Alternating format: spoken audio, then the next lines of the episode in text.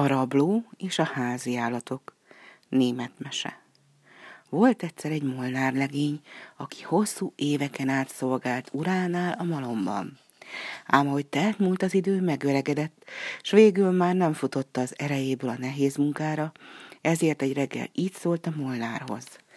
Nem tudlak tovább szolgálni, túl gyenge vagyok. Fizest ki a jussomat, és eresz Isten hírével. A molnára fejét csóválta, azt mondta, nincs még itt az ideje a vándorlásnak, végül így szólt. Nem bánom, elmehetsz, amikor akarsz, de bért nem adok. Az öreg szolga nem akarta tovább a keserves munkát végezni a malomban, inkább lemondott a jussáról. Elbúcsúzott az urától, s felcihelődött. Mielőtt azonban nekiindult volna, el akart még búcsúzni az állatoktól is, akiket ez idáig ő etetett, gondozott. Amikor odament a lóhoz, hogy elköszönjön tőle, a ló megkérdezte. Hát te hová mész? El kell mennem, nincs többi maradás, amit felelte az öreg, s ment tovább, de a ló követte. A szolga akkor odament az ökörhöz, még egyszer utoljára megsimogatta, és így búcsúzott tőle. Isten áldjon, öreg barátom! Hát te hová mész? kérdezte az ökör. El kell mennem, nincs többé maradás, amit, felelte az öreg, s szomorúan ment tovább, hogy a kutyától is elbúcsúzzon. De bizony az ökör is a nyomába szegődött, akár a ló, és utána indult az összes többi állat, a kutya, a kakas, a macska, meg a liba is.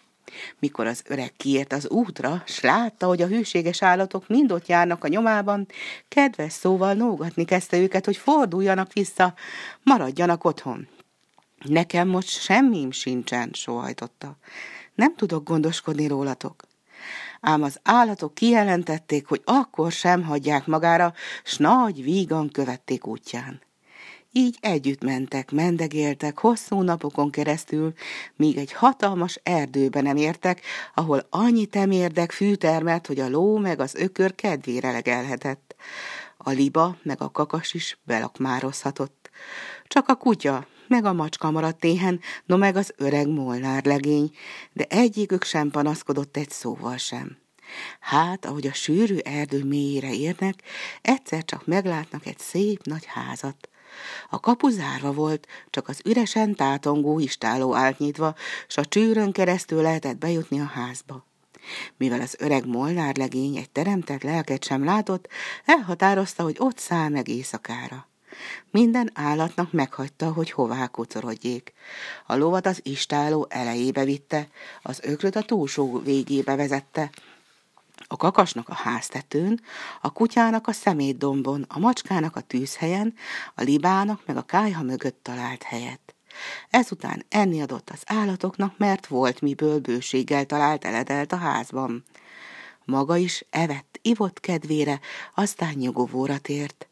Puha vetett ágy várta a hálókamrában. Éjjel aztán, mikor az öreg mélyen aludt, hazatért a rabló, az erdei ház lakója. Ahogy belépett az udvarba, a kutya mérgesen rontott neki, és jól megugatta. Akkor a kakas nagyot rikkantott a háztetőn. Kukorikú! Kukorikú! A rabló szörnyen megijedt, hiszen soha nem látott még házi állatot, amelyik együtt él az emberrel, csak az erdőben élő vadállatokat ismerte. Az istálóba menekült nagy rémületében, de a ló úgy oldalba rúgta, hogy alig bírt az istáló túlsó végébe sántikálni. Ám alig, hogy odavergődött, már fordult is felé az ökör, hogy szarvával nyársalja föl. A rabló halára váltaniszkolt a csűrűn át a konyhába, hogy gyertyát gyújtson, s végre jól megnézhesse, mi történt a házában. Ahogyan a tűzhelyen tapogatózva a macskához ért, az nekiugrott, s úgy megkarmolta, hogy a rabló hanyhat homlok menekült, s elbújt a szobában a kájha mögé. Akkor aztán fölébredt a liba is, és úgy elkezdett gágogni, meg a szárnyával csapkodni, hogy a rabló rémülten szaladt a hálókamrába. Ott aztán az öreg molnár legény úgy húzta a lóbört, hogy a rabló azt hitte, egy egész csapat idegen alszik a szobájában. No erre aztán képzelhetitek, úgy elfogta a rettegés, hogy kiszaladt a házból. Be az erdőbe, s csak szaladt, szaladt, meg sem állt, míg a társaihoz, a többi rablóhoz nem ért. Akkor elmeséltem, mi esett meg vele.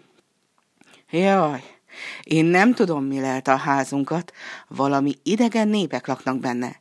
Mikor beléptem az udvarra, hatalmas vadember ugrott nekem. Új mérgesen rivalt rám, hogy azt hittem, mentem megöl. Egy másik a háztetőről bíztatta. Úgy kiabálta, hogy húz rá, nagyot, húz! Mivel már az első vadember is alaposan helybe hagyott, eszem ágában sem volt megválni, hogy még többen ugorjanak nekem, hát inkább az istálóba menekültem ám ott egy Schuster úgy oldalba vágott a kaptafával, hogy még most is sajog. Amikor meg hátrébb húzottam a csőrben, hát ott állt egy ötvös, az meg villájára akart felszúrni. Ahogy a konyhába értem, egy takács a kezembe döfte a gerebent. Mikor meg a szobába szaladtam, hogy a kájha mögé bújjak, egy pék hatalmasat sózott rám a lapátjával. A hálókamrában aztán egy regiment ember horkolását hallottam, úgyhogy örülhettem, ha élve kiérek a házból. Ezt halván a rablók úgy megrémültek, hogy eszük ágában sem volt visszamenni a házba többé. Bizonyosra vették, hogy az egész vidéken ott anyázik már ez az idegen népség. Hát inkább felkerekedtek az éleble, messzi országba indultak, és soha többé nem tértek vissza. A mornár legény aztán békében élt az állataival együtt a rablóházában, s öreg napjaira többé dolgoznia sem kellett, mivel a gyönyörű kis kertben annyi gyümölcs, zöldség, s mindenféle jó termet évről évre, hogy bőven jutott neki is, meg az állatainak is. És még maradt is.